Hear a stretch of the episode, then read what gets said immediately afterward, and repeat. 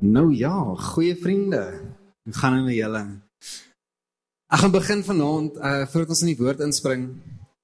Uh Andreas spot nou, hy sê, gaan ek vanaand weer mense op die knieë met 'n baseballbat slaan? Nee, ek gaan nie, ek gaan ontspan. Vanaand is 'n rustige woord.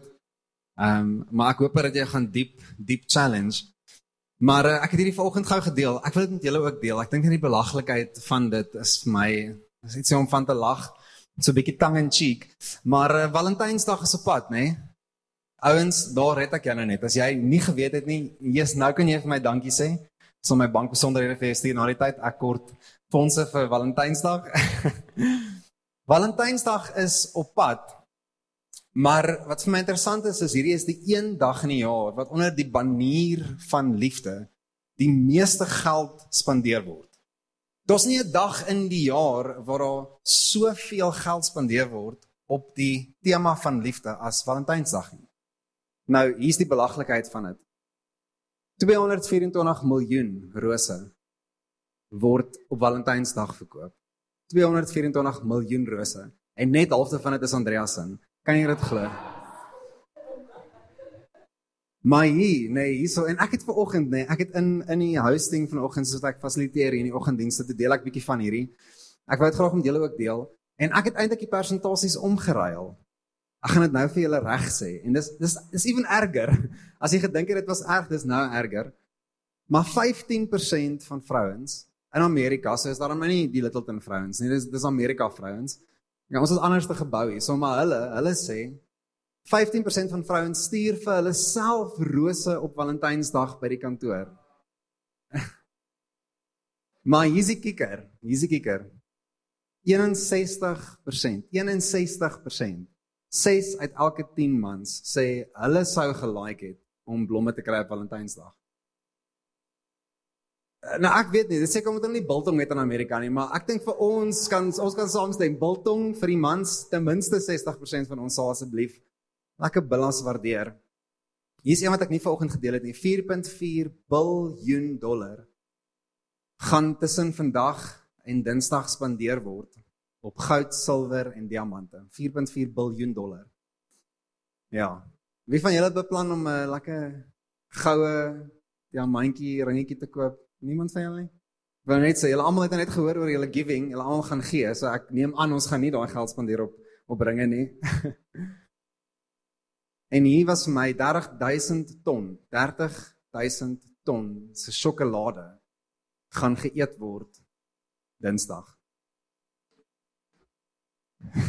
ja. Ek weet nie ek weet nie of dit slim is om vir jou verlief persoon, jou verliefde, of sê jou verloofde, om vir jou verliefde uh, soveel chocolates te koop nie. Ek dink dit is 'n goeie belegging in wie sy is nie. Maar nietemin, dit is dis daar. Maar na al die chocolates opgeëet is, na die rose verlep is en na die kaartjies opgevrommel is en ons daai dag geselebreit het, dink ek daar's 'n een vraag wat nog steeds vir my in my hart vassteek rondom liefde. En dit is wat is ware liefde regtig?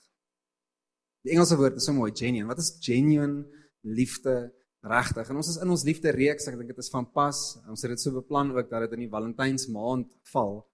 Maar ek wil gou ons reeks skrif met jou deel. As jy 'n Bybel by jou het, kan jy hom oopmaak in Johannes 13 vers 34 tot 35 en sê die volgende. Nee, Jesus praat, hy sê I give you a new command. Love one another. Just as I have loved you, you are also to love one another. And by this everyone will know that you are my disciples. If you love one another.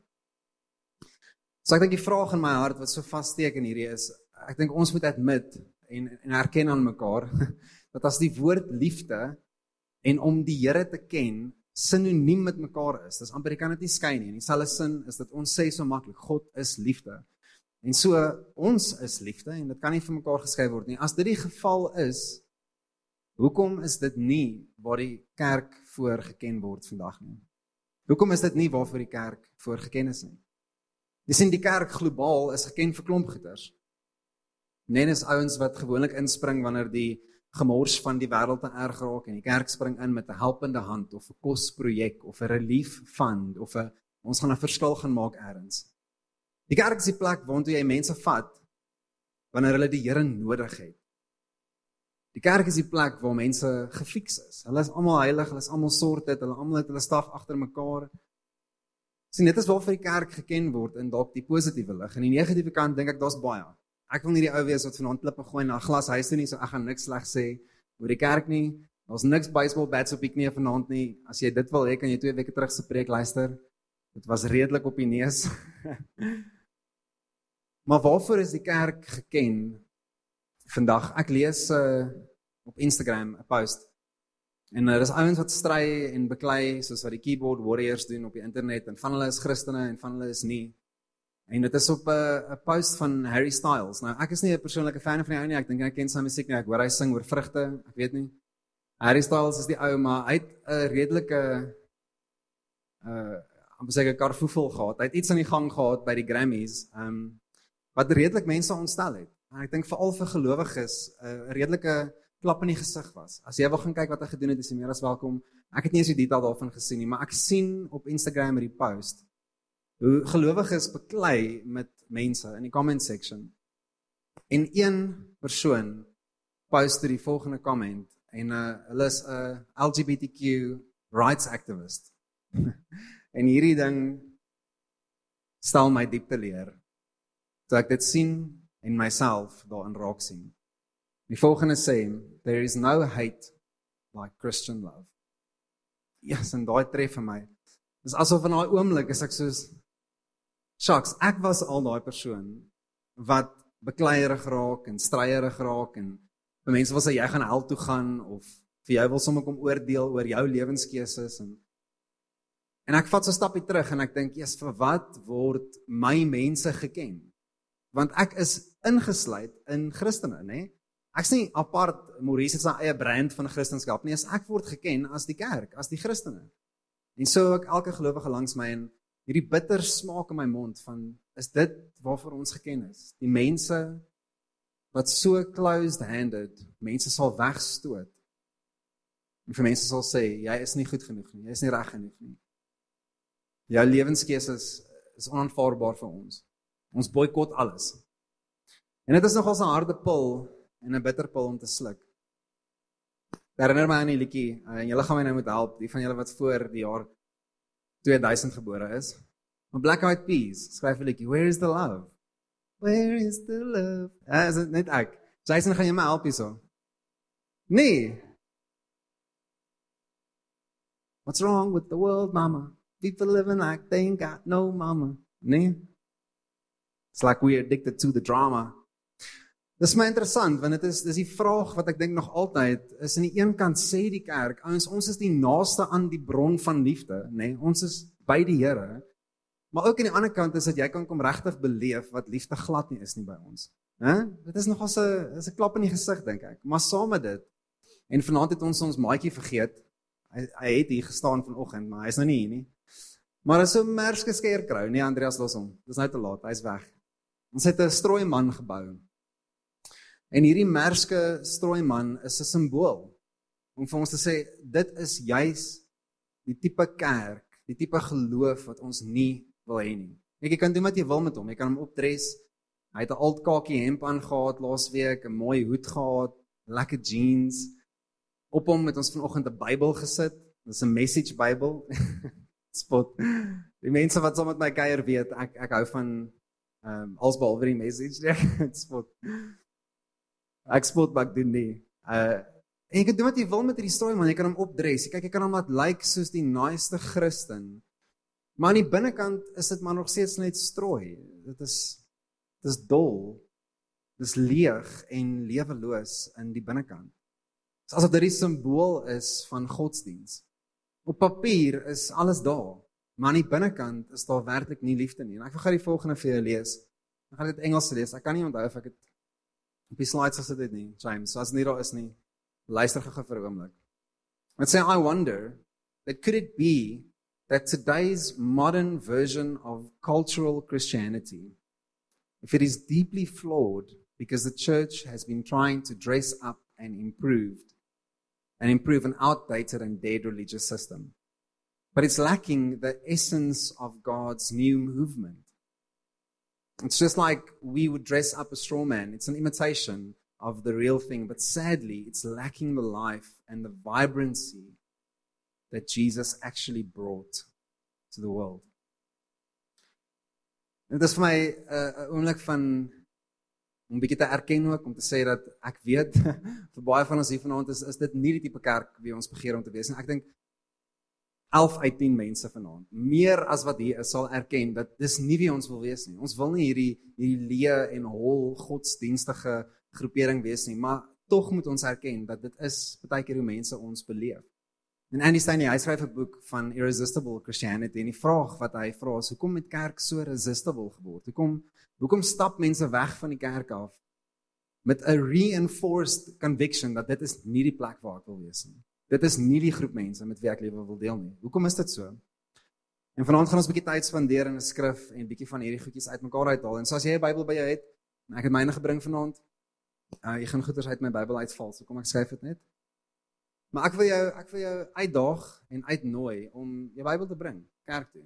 Ehm um, lees saam met ons tyd in die woord, as jy jou Bybel op jou foon het, laai so lank na Lukas 10 toe. Ehm um, en ek gaan vanaand uit die CSB uit lees, maar wat ook al vertaling jy by jou het, al het jy die message, dis ook okay. Ek mag dalk ek mag dalk vanaand uit die message uitlees. Ehm um, bietjie later net as 'n ag om ietsie van Andreas te gee.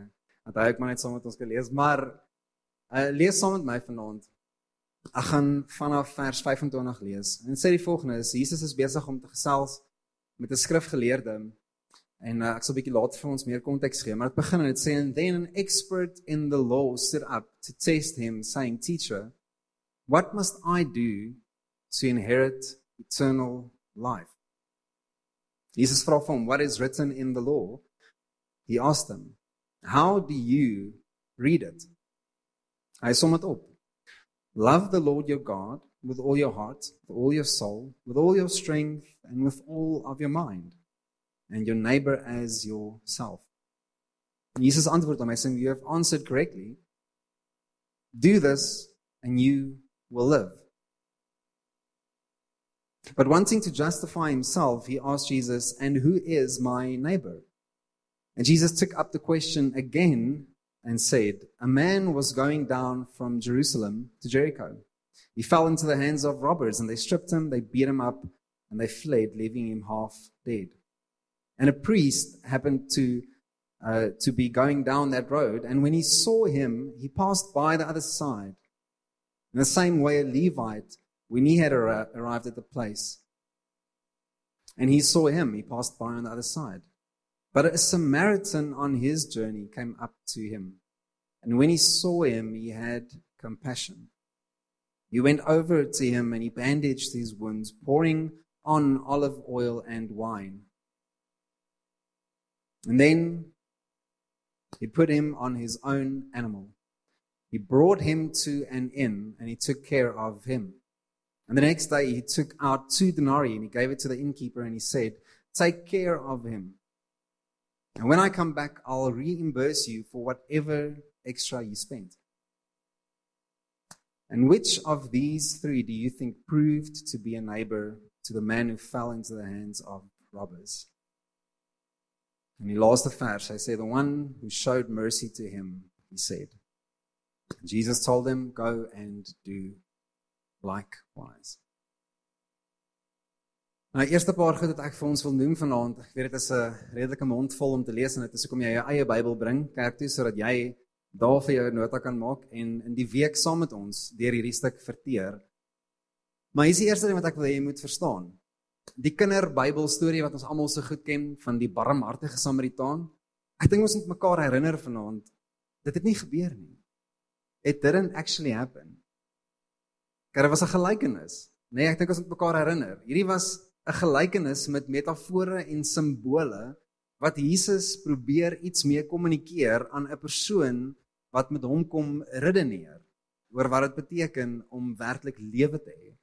En so dis die eerste ding wat ons vanaand vir mekaar moet sê is dat dit het nie regtig gebeur nie, maar ook wat ons mekaar moet sê is is net soos Jesus kan. Dit is classic classic Jesus. As hy is besig om op twee vlakke te kommunikeer. Daar's eintlik twee goed aan die gang hierso en hulle hardloop parallel met mekaar. Dis is twee bane op die snelweg en Jesus is besig met die die eenvoudige, dit wat almal uit die storie uit verstaan. Maar daar's ook ietsie onder dit. Daar's 'n tweede ding wat Jesus hier kommunikeer. Ek gaan ons sê dat Jesus het 'n agenda gehad. Hy het 'n agenda gehad dat twee goed bekend sal wees aan die einde van hierdie interaksie. En van dit mag ons dalk gemis het. So ons gaan 'n bietjie van dit vanaand uitmekaar uithaal. Is dit 'n deal? Kan ons dit doen vanaand? Ek gaan nie lank met julle wees nie en ek gaan jou nie op baseball bat op die knie nie. Okay, ek beloof jy. So relax, relax. Andreas het laasweek met ons gedeel oor wat Jesus vir ons kom doen het in die konteks van om dinge nuut te maak. Dit was bekend dat Jesus het 'n klomp goed nuut gemaak en Andreas het dit opgesom vir ons. Daar's drie goed wat Jesus nuut gemaak het. Die eerste een is hy het 'n nuwe beweging begin. Inteendeel dat Jesus en sy disippels was geken deur die ander mense voordat die term Christen gebruik was, was hulle geken as the way. Die weg. Hulle het 'n nuwe manier gebring en al die mense wat rondom Jesus vergader het elke dag en soos wat hulle beweeg het van dorpie tot dorpie, straat tot straat, mense tot mense, was hulle geken as dit is die dis die wegbeweging. It's the movement that Jesus brought. En dit was nie. Die tweede ding is dat 'n nuwe verbond gebring. Maar baie van ons weet dat meerderheid van jou Bybel, is amper hierdie hele dik gedeelte hierso, is die Ou Testament. En so wat Jesus kom doen is hy het 'n klomp van die Ou Testament dinge kom nuut maak. Hy het die wet kom vervul. En die derde ding wat Jesus kom doen het, hy het vir ons 'n nuwe gebod gegee. 'n Nuwe standaard volgens wat ons kan lewe. Nou, ek gaan nie Andreas se hele preek preek van laasweek nie. So ek wil jou ek wil jou nooi, gaan luister. Dis uh dis op ons platform beskikbaar as jy nog nie het nie, as jy laasweek gemis het, gaan spandeer 'n bietjie tyd daarin. Maar ek gaan vandag op dit bou. En die vraag wat ek mee wil begin wat hierdie skrifgeleerde na Jesus te bring as 'n toets. Net om te sê ons gaan vanaand woord vir woord hierdie skrif kuier, maar hierdie ou se intensie van die get go af. Dit was van die oomblik toe hy by Jesus aankom. Die intensie in sy hart was om Jesus te kom toets om hom uit te vang aan die een kant, maar aan die ander kant met 'n skeptiese verwagting. Wil hy kom uitfigure is hierdie Jesus ou werklik wie hy sê hy is? Is hierdie weg, hierdie nuwe manier, hierdie hierdie hierdie nuwe openbaring tot wat dit is om die Here te ken en ewig lewe te kry, is hierdie ou die real deal? So kom ek probeer hom uitvang. Dit was sy intensie geweest.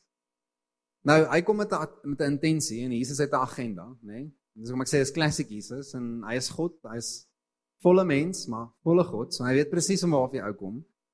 Hy weet dat hierdie ou se mindset is 'n wetvas mindset. Hy weet dat hierdie ou vas was aan die Ou Testament wet. En so Jesus kies soos 'n baie slim rugby speler, kies hy die veld op waar hy die game gaan speel. Jesus besluit voor hierdie gesprek al begin het dat ek met hierdie ou die game gaan speel waaraan hy gewoond is. En dit is die Ou Testament game. Dis die wet game. Wie sê wet? Die Ou Testament wet. Toe maar julle gaan sal daai grappie later van. My vroutjie lag, sy weet. Die wet en u wet, as jy dit vanaand sê klink dieselfde. Die wet is 'n populêre vrounaam. Ek het 'n grappie gemaak. Okay, toe maar. Hier gaan ons aan. So kom ons kyk deur die interaksie wat Jesus met hierdie ou gehad het. En die eerste ding wat ek vanaand vir ons wil noem, is hierdie ou was vol van iets. Dit was nie vol van homself nie. Was nie vol strooi nie. Hy was vol van iets. Hy was vol van die wet. He was filled with a great concern to keep law. Dis hierdie ou se eerste punt. Dis van waar af hy kom voordat hy met Jesus hierdie interaksie het. En hier is waar ons wegspring in Lukas 10:25 tot 28. Daai eerste gedeelte. Julle is welkom om weer saam met my te lees.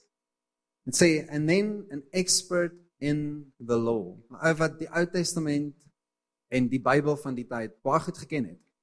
Inteendeel, as jy gesê het 'n expert of the law, die eerste 5 boeke van die Bybel, die Pentateeg, het hulle woord vir woord geken, soos in gememoriseer. Soos wat jy die lines van Friends en Nacho Libre ken. Ken daai ou woord vir woord die eerste 5 boeke van die Bybel. Nou dit is dis redelik baie. Dit is om en by hierdie hele stuk van die Bybel. Ken hierdie ou woord vir woord uit sy kop uit. So hy kom hy's prepared. Hierdie ou is goed reg. An expert stood up to test him saying, "Teacher, what must I do to inherit eternal life?" Jesus antwoord sy vraag met 'n vraag. Jy gaan dit baie sien. As jy tyd spandeer in Jesus se woorde in die Nuwe Testament, gaan jy dit baie sien. Veral in die evangelieboeke waar Jesus se woorde in die rooi skrif baie mooi vir ons neergesit is. Jesus het daarvan gehou en ek gaan dit in Engels sê, he liked to provoke people. In 'n goeie manier. Jy sien Jesus het, het met mense interaksie gehad om eintlik by hulle hart uit te kom. En ek dink soortgelyk is dit dieselfde met hoe Jesus met ons werk en ek dink dit is so nodig vir ons want niks wat ek vanaand vir jou gaan sê gaan jou kan oortuig nie. Inteendeel, ek kan net soos 'n groot billboard met 'n pyl vir jou wys na Jesus toe, na die woord toe en na 'n spieël toe. En dis presies wat Jesus gedoen het. Hy begin met die vraag aan die ou om dieper in sy hart te kyk oor van waar hy kom. En so hier's wat gebeur. Hy vra vir hom, "Hoe verstaan jy die wet?" And he answered him. En hierdie ou gee 'n opsomming. En hierdie opsomming kan jy self gaan lees. Dit is uit twee gedeeltes uit. Die eerste een is uit die Pentateeg uit uit Deuteronomium 6 vers 5, maar dan ook in Levitikus 19 vers 18. So hy gebruik twee Ou Testament verwysings om hierdie een konklusie te maak. En hy beantwoord Jesus, né? Nee, hy sê vir hom, "You love God with all your heart, your soul, your strength, your mind, and your neighbor as yourself. En hier kom Jesus en ek dink hy doen iets wat wat onverwags was. En hy sê vir die ou jy's reg. Daar's jou antwoord. You have answered correctly. Maar hier is die hier's die kikker. Hier's die skoppale toe. Almal staan rondom hom, verwag Jesus gaan iets anders te vir hom sê. En hier sê Jesus vir hom: "Doen dit en jy sal lewe." Maar ek tog Jesus het nou gekom om vir ons 'n nuwe wet te gee. Nou sê hy vir hierdie ou, hy moet dit doen. Is Jesus besig om homself te praat? Kontradik hy homself? Ek meen het jy dit raak gesien dat Jesus kom en hy gee vir ons 'n nuwe gebod, maar hier sê hy vir die ou wat uit die Ou Testament uit praat, doen dit jy gaan lewe. Hoe werk dit? Het net ek het agtergekom, hande in die lug, dit net ek, maar dit agtergekom het. Lyk my dit is. Okay, fantasties. So kom ek vat ons gou deur. Wat Jesus eintlik gedoen het, is hy die ou 'n geleentheid gebied. 'n Geleentheid waar hierdie ou kon sê maar dis onmoontlik. Ek kan nie. Ek kan nie en jy kan nie die wet onderhou nie. As daar een persoon was wat dit kon doen, dan het Jesus verniet aan 'n kruis gesterf.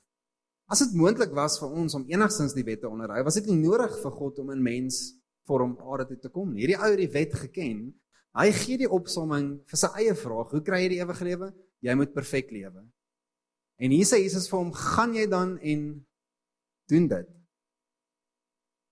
En dit was die geleentheid wat die ou gemis het. Die eerste geleentheid waar hy kon sê Jesus, dit is onmoontlik. Ek kan nie. Ek kan nie perfek die wet onderhou nie. Ek kan nie die heeltyd mense soos myself lief hê en selfs al wil ek, ek kan nie eers sê ek het altyd die Here lief met alles in my vermoë nie. Wil jy vir my sê daar's nie 'n gram se twyfel in jou hart nie? Wil jy vir my sê daar was nie 'n oomblik van val nie? Wil jy vir my sê jy het geen sonde gehad nie? Wil jy vir my sê jy kan dit regkry om die wet 100% te behou? Maar hier tel ons die gesprek op met wat hierdie ouete volgende doen. Lukas 10 vers 29. But wanting to justify himself. He asked Jesus, who is my neighbor? Dis en hy was vol met 'n groot besorgdheid in sy hart om die wet te onderhou, alhoewel ons almal weet dit onmoontlik is. Kyk as jy vanaand hier aangekom het en gedink het ek gaan jou huis toe stuur met jy moet die wet onderhou. Ek dink jy gaan teleurgesteld wees. Imagine met jy in jou kar klim vanaand in die weg ry en al wat ek vir jou gesê het is jy moet 'n beter Christen wees. Want as jy nie doen nie, dan gaan jy kort skiet. Jy moet hierdie ding vat huis toe vanaand en jy dink jy gaan 10 uur gaan slaap. Jy gaan nie, jy gaan wakker staan vanoggend, jy gaan wakker bly. Jy gaan hierdie Bybel oopmaak, jy gaan notas begin maak, jy gaan begin studeer want as jy vir 'n oomblik 'n millimeter kort skiet van wat in hierdie ding staan, is jy nie moeilikheid. So kom deernag by my plek, ek dink ek is veilig. dra nie punte by die Here. Kom deur nag by ons, kom bring jou Bybel. Al is dit die message, ek gee nie bring net enigiets wat jy het en kom kom maak seker in hierdie ding weet jy alles. En dan moet ons dit doen.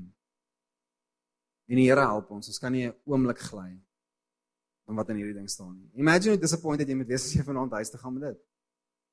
Dis waarom Jesus hierdie ou los en hy mis daai geleentheid om hom te sê maar is onmoontlik en hier sê Jesus vir hom, "Nou, dis wat jy gaan moet doen." En hy spring in met hierdie gesprek but wanting to justify himself. En hier is die tweede ding wat ek vanaand vir ons wil sê. Eerstens, he had a great concern to keep the law. En die storie wat Jesus kom vertel van die barmhartige Samaritaan is to be filled with a great compassion to love the broken. Nou gaan hierdie goed bymekaar bring vir ons vanaand. Maar daai tweede punt is redelik belangrik. Want ons almal kan kies om onsself vol te maak met iets. Hierdie ou was vol 'n groot concern oor die wet want dit bepaal my ewige lewe. En Jesus kom stuur hom in 'n rigting om vol te wees met a great compassion to love the broken. En jy vra jy's maar hoe gaan dit vir ons ewige lewe verkry? Hoe hoe gaan dit my in die hemel kry om net mense lief te hê? Dit klink so hippie, dit klink so uit die 60s uit. Moet ek dit doen om ewige lewe te kry? Ek weet nie of dit die kerk vir my is nie. Ek weet nie of dit die Bybel vir my is nie. Maar lees saam met my.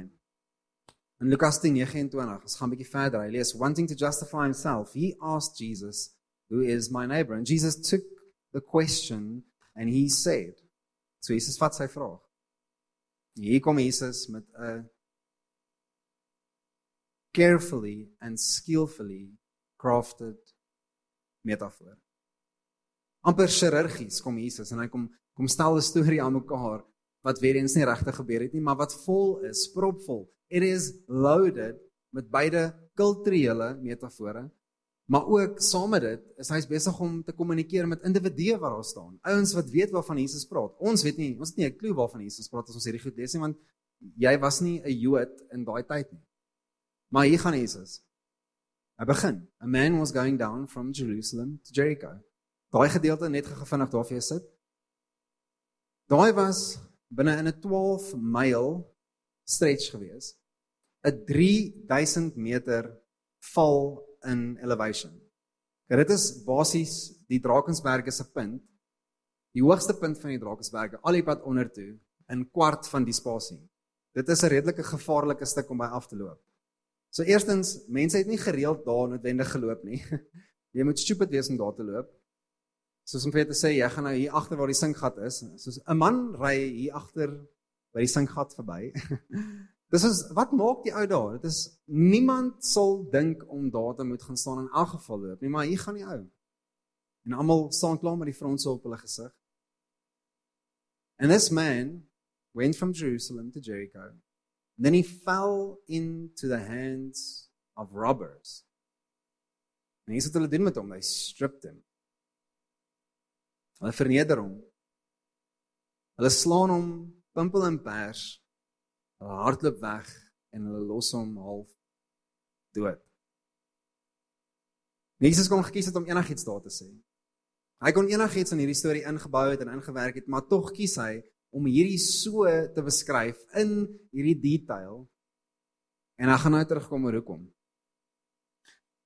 Vers 31. A priest happened to be going down that road. When he saw him, he passed by the other side. And in the same way, a Levite, when he arrived at the place, saw him and he passed on the other side. But a Samaritan on his journey. Nou, die Samaritane uh, was 'n groep mense wat redelik uh redelik gehaat was deur die Jode. En hier is hoekom. As hulle was gesien as 'n as 'n groep mense wat minderwaardig was. Hulle was 'n gemengde groep mense gewees. Daar was soveel haat in die harte van mense teenoor hierdie groep dat letterlik die skade wee van 'n Samaritaan mag nie eers aan jou raak nie. Dis verskriklik. Nou kom Jesus en hy kies hy kies 'n Samaritaan as die hero in hierdie storie. Kan jy dit oorvertel? And when he saw him, he had compassion. Nou kom ek vinnig vat ons gou deur wat Jesus in hierdie metafoor vir ons verduidelik. Die eerste ding is die baie bekende die priester. stap verby die man wat verslaan is. Simbool wat Jesus gebruik in hierdie is die simbool van van godsdiens. Maar is ook die simbool van dit is juis die plek waartoe mense sou gaan om meer van die Here te moes weet, om nader aan liefde te moes kom. God is liefde, dis wel bekend in die Ou Testament. En juis die priesters weet dit. En dis die ou wat kies om verby te loop en en Jesus vir ons kom sê en dit is 'n bietjie tongue in cheek is dat die plek waar jy verwag om liefde te kry is nie godsdiens nie.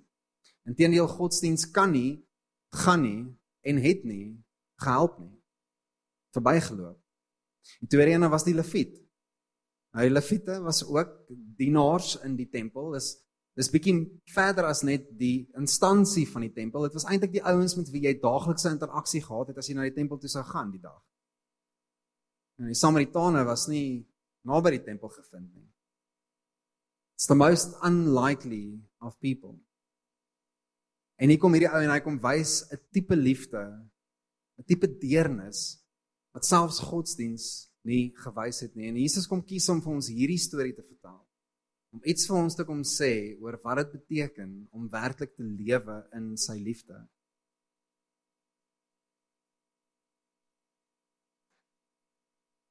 Ek gaan terugkom na 'n paar punte toe. Maar volg my net met nog een, soos wat ons deur hierdie skrif kuier. En opsommend volgende gedeelte van hierdie skrif, as ons gaan lees vanaf vers 34, is dit love is costly. Liefde is duur. En dit kos jou ongelooflik baie. En dan gaan nou terug na die vorige punt toe. Ek wil net graag hierdie gedeelte met ons deel. Maar dit sê in vers 34, so he went over to him, nee, and he bandaged his wounds. He was pouring olive oil and wine over it. But him on his own animal brought him to an inn, took care of him. Hy sê vir die ou, I'll reimburse you for whatever cost you spend. Hy betaal hom vir 2 dae. En hier kom Jesus en hy vra die vraag aan hierdie wetgeleerde. En die manier hoe Jesus hierdie vraag stel is baie intentioneel. Hy vra vir hom, which one of these proved to be a neighbor. In Afrikaans sê en wie van hierdie het homself bewys as 'n naaste? En nou wil ek hê jy moet hierdie gou sien. Hierdie wetgeleerde hierdie storie gehoor het van die barmhartige Samaritaan met al hierdie kulturele verwysings en dit is dis redelik op die neus. Kan dink jy sal nog bietjie offended wees as jy 'n Jood was om hierdie te hoor. En Jesus vra vir hom, wie was die ou wat liefde bewys het? En hierdie ou antwoord en sien hierdie saam met my hoe hy dit antwoord. Jesus vra wie het liefde bewys en hy sê the one who showed mercy. Hy kan dit nie eers reg kry om te sê die Samaritaan nie. Jesus praat letterlik net van drie mense. The priest, the Levite and the Samaritan. En Jesus vra wie bewys liefde en hierdie ou kry dit nie eens reg om die woord Samaritaan te sê nie. Hy sê nee, daai een. daai een waarvan jy gepraat het. Die Samaritaan en Jesus terug met 'n tweede geleentheid vir hom sê go and do the same. Tweede keer wat Jesus vir hom 'n geleentheid gee om te sê gaan jy dan en doen dit. En ek kan imagine, dit is soos dit is boiling, die tension, die awkwardness, dit is soos dit is daar in die kamer. Jy kan dit sny met 'n biltongmes. Dit is so in jou gesig. En die skrif eindig daar. Imagine die disippels nader aan spring en dis is Jesus dis onmoontlik. Okay, die eerste keer het jy vir jou gesê hy moet dieselfde gaan doen. Om die wet te gaan onderhou. En nou sê jy vir my moet dit gaan doen. Dit is onmoontlik. Dit is costly. How? Hoe gaan ons dit doen? Dis soos wat verwag jy van my om ewige ewige lewe te kry. Dis soos dit is impossible. Ek kan nie dit doen as dit die vereistes is nie. Is al enigiemand hier vanaand, is dit net ek wat my Bybel so lees? Kan enige van julle sê jy gaan jou lewe 100% so lewe? Jy gaan elke liewe keer, jy sal jou huis verkoop, sal jou kar verkoop, jy sal jou poedel verkoop, jy sal alles verkoop sodra jy dit nodig het. Ek sal nie kan nie. Die risk is te veel. Die die die koste is te ek kan nie daai prys betaal nie. Is dit net ek? Dalk dink ek anders oor my geld en my goed, maar guys, is dit net ek? Die storie eindig daar. Ek kan imagine die disippels stap af van af weg en dit is net soos Lukas se gesig lyk soos 'n vraagteken. Dit is net soos wat sê Jesus vir hierdie mense? Hoe ek kan nie so lewe nie. En al hierdie it's riding upon eternal life is ernstige goed. Hoe moet ek dit doen? En hier is waar Jesus ons op 'n vroeër interaksie met iemand anders dan 'n bietjie meer konteks voorgee. Maar in Matteus 19, ek het dit nie op die skerm gesit vanaand nie, maar ek kan nota maak in Matteus 19 vers 16. Het Jesus 'n gesprek met 'n ryk man. Die ryk man sal vra, "Hoe kry ek die ewige lewe?" Jesus sê ook vir hom, "Natuurlik, hê mense lief, hê God lief, hou my gebooie." En hy sê, "Ek het al hierdie goed gedoen." Selle intensie, selle postuur as die wetgeleerde. Ek is sap, ek doen al hierdie goed. Ek is perfek. Maar hierdie keer het Jesus 'n bietjie meer direk met die ou gepraat. En hy het vir hom gesê, "They there is one thing that you fall short of." Hy vra hom, "Wat is dit, Jesus?" En Jesus sê vir hom, "If you want to be perfect, go and sell your belongings. Give it to the poor.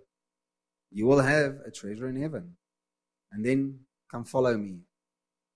Maar in vers 22 het hierdie ou gesê, "The young man when he heard that, he went away grieving because he had many possessions." Eindig daar. Is oor Jesus verwag van my om alles te verkoop. Jy verstaan nie. Ek het 'n huis in Belito. Soos ek het ek het 'n Fortuner 2022 model afbetaal in die garage. Ek kan nie hierdie goed. Ek het 'n purebred German pointer, short hair pointer in my erf in midstream. Ek kan nie hierdie goed verkoop nie. Soos wat verwag hierdie ou van my? Dis soos kan ek nie net teruggaan na die 10 gebooie toe nie. Moenie nie moord pleeg nie. Moenie valse jy weet gode hê nie. Kan ek teruggaan? Dis baie meer eenvoudig en dit het absoluut geen prys op dit nie. Kan ek nie net dit doen nie? En is asof Jesus elke keer en sien hierdie saam met my vriende, Jesus is besig om te praat met mense wat werklik gelewe het, soos wat ek en jy op hierdie aarde loop met 'n klein bietjie nicer skoene, loop Jesus met mense wat 2000 jaar terug geloop het saam met hom. En hy provoke die vraag van die hart. Dis wat Jesus hier kom doen. Hy kom kyk diep in die harte van mense in. En hy kom vra die vrae aan mense. Hy kom maak stellings aan mense dat hulle juist daarvan af wegloop met presies die tension wat vanaand in hierdie plek is, is hoe gaan ons dit doen? Wat word verwag van my? Kom ek verlig die spanning. Ek sien julle is baie nervus. Ek sien van julle klaar julle FNB app oop. Julle maak reg. Ek gaan nou alles verkoop. As jy my nou vra om 'n ding te smous, is ek daar. Ek môre op Marketplace verkoop ek alles. Die storie van die barmhartige Samaritaan. Natuurlik, die eerste ding wat obvious was. So Jesus kom challenge hoe ons dink oor hoe ons mense hanteer. Natuurlik, dit is die mees obvious punt van die storie. Die ou wat die liefde bewys het wat hom alles gekos het en dit was duur. Ja, ons verstaan dit. Love is costly. Maar die tweede ding wat ek dink is veilig om te sê na dit, ons het gesien, die disippels het nie Jesus verlaat nie. Okay, hulle het nie net daar omgedraai en gesê die ou is koekoes, ons gaan wegloop nie. Obviously, Jesus het met die disippels nog aangegaan. Die tweede ding wat Jesus in daai storie gedoen het, die tweede agenda wat hy gehad het, was om juis te kom bewys dat hy is die barmhartige Samaritaan. Nie ek en jy nie. Hoe moet ek hoe moet ek die duurste prys betaal? Ek kan nie. Ek kan dit nie doen nie. En Jesus sê exactly. Jesus ek kan nie aan die wet voldoen nie. Hy sê exactly. Sê Jesus ek kan nie perfek wees elke dag nie. Ek kan nie en Jesus sê exactly. Jesus ek kan nie altyd sê ek het die beste liefde binne my nie. Hy sê relax. Exactly. Maar ek kan. En dis hoekom ek hier is.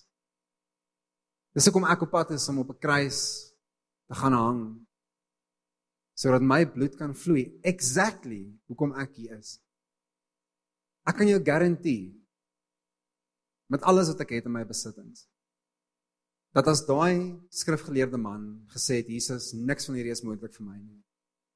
As hy op sy knieë moes neerval in daai stof met trane in sy oë en hy is broken en hy vir Jesus sê ek kan nie aan hierdie voldoen nie. Beloof ek jou met alles wat ek het. Jesus sou langs haar ou gaan sit het en gesê het ek weet. Dis hoekom ek hier is. That's why. Ek wil die volgende stelling maak vanaand. En vergewe my as hierdie jou omkrap en jou offend. Dis die enigste ding wat ek vanaand gesê wat jy dalk mag omkrap en dis okay. Maar liefde is nie 'n vereiste vir die ewige lewe nie. Love is not a requirement for eternal life. Kan hom opgooi James. Love is not a requirement. It's the proof of eternal life. Jy sien wat Jesus kom doen het in die die gelykenis van die barmhartige Samaritaan om juis vir ons te kom wys waar ons kort skiet en om juis vir ons op daai spektrum met so te trek om vir sê hier is wat dit gaan kos as jy wil lief hê soos wat ek gaan lief hê. Dit gaan jou alles kos en jy kan dit nie eers bekostig nie. Jy kan nie. Ewen met alles wat jy verkoop het. Ewen al het jy alles wat jy moontlik kan. Ewen al bedank jy jou werk om werk jy by die kerk. Ewen al doen jy als in jou vermoë, jy kan die res van jou dae op planeet Aarde toewy om die beste moontlike Christen te wees, selfs dan gaan jy kortskiet. En dit is hoekom Jesus die stelling kom maak. By kruis. Dit alles staan. Dit is volbring.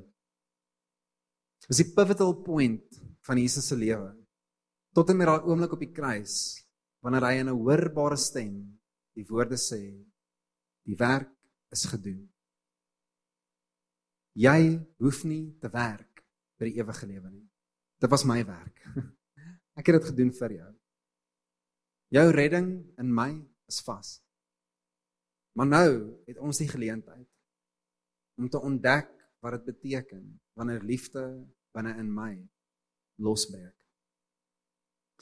Jy sien Jesus in haar bekende skrif en ek gaan afsluit met hierdie ons het dit vanaand vroeër gelees. Wat Jesus sê ek gee vir julle 'n nuwe gee vir julle 'n nuwe gebod. James gooi hom weer vir my op Johannes 13, heel eerste een van vanaand. I give you a new command, love one another just as I loved you. You are also to love one another and by this everyone will know that you are my disciples if you love one another. Jesus sê vir ons jou liefde wat jy moet kom uitleef op aarde. Is nie sodat jy die hemel kan bereik nie. Dis nie waaroor dit gaan nie.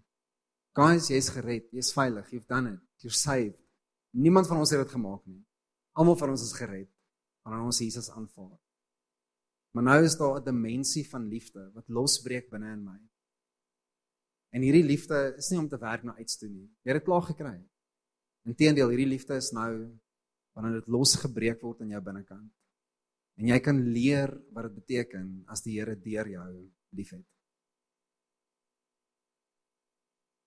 Love is not a requirement for heaven. It's the proof of heaven. Dis hoe God vir ons kom wys dat hy waar is, dat hy bestaan, dat hy lewend is. Dis waar die kerk op die punt kom waar ons besef, dit is die grootste bewys wat ons dra. Is dat God is in my en sy liefde in my het kapasiteit verbo wat ek gedink het. Ek weet ons tyd is klaar vanaand en ek weet ek praat baie en ek praat lank. Ek kan alse vergeet wat ek gesê het. Maar kan ek hierdie een storie met jou deel? Inteendeel, ek het voor die tyd gesê ek vir James hierdie laaste paar slides. Ek mag dalk nie eers daarby uitkom nie. En ek weet dit raak lank, maar hier gaan ek dit doen anyway. Ons 'n organisasie met die naam Red Frogs. Het jy veel van hulle gehoor het nie? As jy al hulle raak geloop het, dan weet ek waar jy kuier want hulle is gewoonlik in bars en clubs. Hulle is op die strip aan Hatfield tussen Jukes en die polisiekar bar en die adult shop. Hulle is by festivals, hulle is op die koppie, hulle gaan kuier saam met die mense wat totally totally broken is. Ons almal weet dit. As jy nie weet van die frogs nie, bless jou. Maar hier's wat hulle doen. Dis 'n groep studente wat met jelly sweeties en met water en met pannekoek na van die mees broken plekke toe gaan wat jy na toe kan ry in hierdie stad. En hulle is genuine net lief vir mense. As mense 'n bietjie te veel gedrink het, dan gee hulle vir iets om te eet, verniet. uh gee hulle watertjie om seker te maak hulle dehydreer nie. Hulle bedien mense. Hulle bid vir mense, hulle praat oor Jesus op 'n authentic en real manier gee hulle vir mense liefde. Maar ek wil jou vanaand vertel van een storie. Daar was ons op die strip in 2017. Wat is gou die volgende foto? Die meisie met die blonde hare daar, sy naam is 'n uh, eh, Karen. En sy kom van Joburg af. So sy het Pretoria toe gekom om te kom liefwees vir bedronk studente hier by Oesdag. Weet nie of jy al van Oesdag gehoor het nie, maar Tik sou een keer 'n jaar Oesdag fees en 5-6000 studente is daar bymekaar op 'n veld agter die sportgronde. Ons klomp musiek en klomp mense drink en agter die badkamers. Met daai porta potty blou badkamers kry hulle 'n vrou uitgepaas. 'n Jong studente dame. Uitgepaas. Sy is so dronk sy het uitgepaas. Lê sy hier agter die die urinals. En dan frogs gaan haal haar, nê, hierdie rooi paddas, the frogs. Hulle gaan haal haar. Bring haar tot by ons recovery area. Ons het so 'n gazebo opgeslaan en ons het lekker kussings en daai space blankets daar. Ons het water en pannekoek, lekker elektrolyte. En ons het paramedics en eventually na 2 ure waar Karen letterlik daar lê en hierdie girl vashou. Draai daai girl om en gooi op haar op. Terrible. This is everywhere. Dis gross. Dit is aan haar hare. Dit is everywhere en Karen hou vas aan daai girl. Hou net vas, hou net vas. Dis niks om te kry nie. Sy weet nie ons sien haar raak nie. Sy weet nie ons neem dit af nie. Sy hou net daai girl vas. En eventually toe sy wakker word, toe vertel hierdie girl vir Karen wat aan die gang is en sy sê maar sy het 2 weke terug uitgevind sy het kanker. Sy is 22 jaar oud en sy swat eintlik vir vir medies. Maar sy het terminale kanker. Sy gaan probably dood wees oor 'n jaar. En sy is broken. Dit is net soos hoorie my hele lewe tot 'n stilstand gekom met 'n hengse spoed, slaat 'n bus my. En die ergste is toe sy dit deel met haar vriende. Toe haar vriende kan net ges, geshrug en sê, "Ag, oh, sorry vir jou." Sy het net met hulle gedeel op pad na oesfees toe die dag. Sy het daar besluit sy gaan haarself so dronk drink daai aand dat sy uitpaas en sy gaan teen teen en probeer selfverpleeg hier aan. En hier is sy in Karen se arms. Dit is hierdie is hierdie storie van soos jy kan dit nie glo nie. Ek kan dit amper nie weer vertel nie. En hier is die kikker. Karen daai aand uh vat haar huis toe, vat haar nommer. Begin met haar pad stap. Deur al haar behandeling slegte goed wat sy deur is. Karen daar saam met hom. En eendag vra ek vir Karen, ons praat hier oor voor 'n frogs meeting, voordat ons na 'n klub toe gaan die aand en ek praat met Karen en ek vra vir haar, "Is hoorie, wat het daai aand gebeur?" En al wat sy vir my sê is, "Ek was daai girl paar jaar terug. Ek was daai girl 'n paar jaar terug en ek is net soos ek het my voete afgeslaan.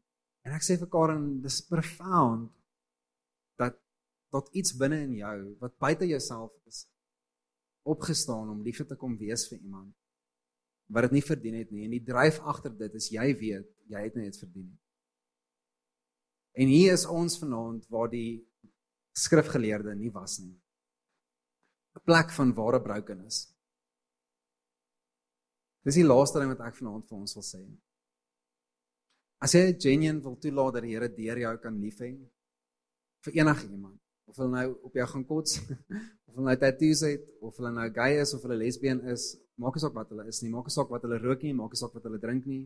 As jy werklik wil lief hê, soos die Here se liefde deur jou kan lief hê, dan gaan dit vra dat jy op 'n plek moet wees van total brokenness.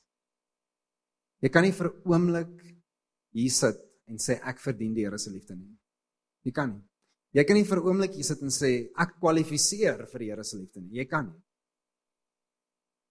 En nie een van ons sit hier vanaand dronk nie. Wel, hopelik nie. Nie een van ons hier sit vanaand hoog nie, hopelik nie. Nie een van ons hier sit hier met ernstige lewensveranderinge, verslawings nie. Nie ons doen nie. Maar nie een van ons kan opstaan vanaand en sê ek verdien die ewige lewe nie. En is daai besefing, dis daai plek van brokenis, van regtig Here, so nodig as wat ek U het, weet ek die persoon langs my het U nodig. En net soos wat ek nie voldoen aan die wet nie, weet ek die persoon langs my ook nie. En al wat ons nodig het is die barmhartige Samaritaan.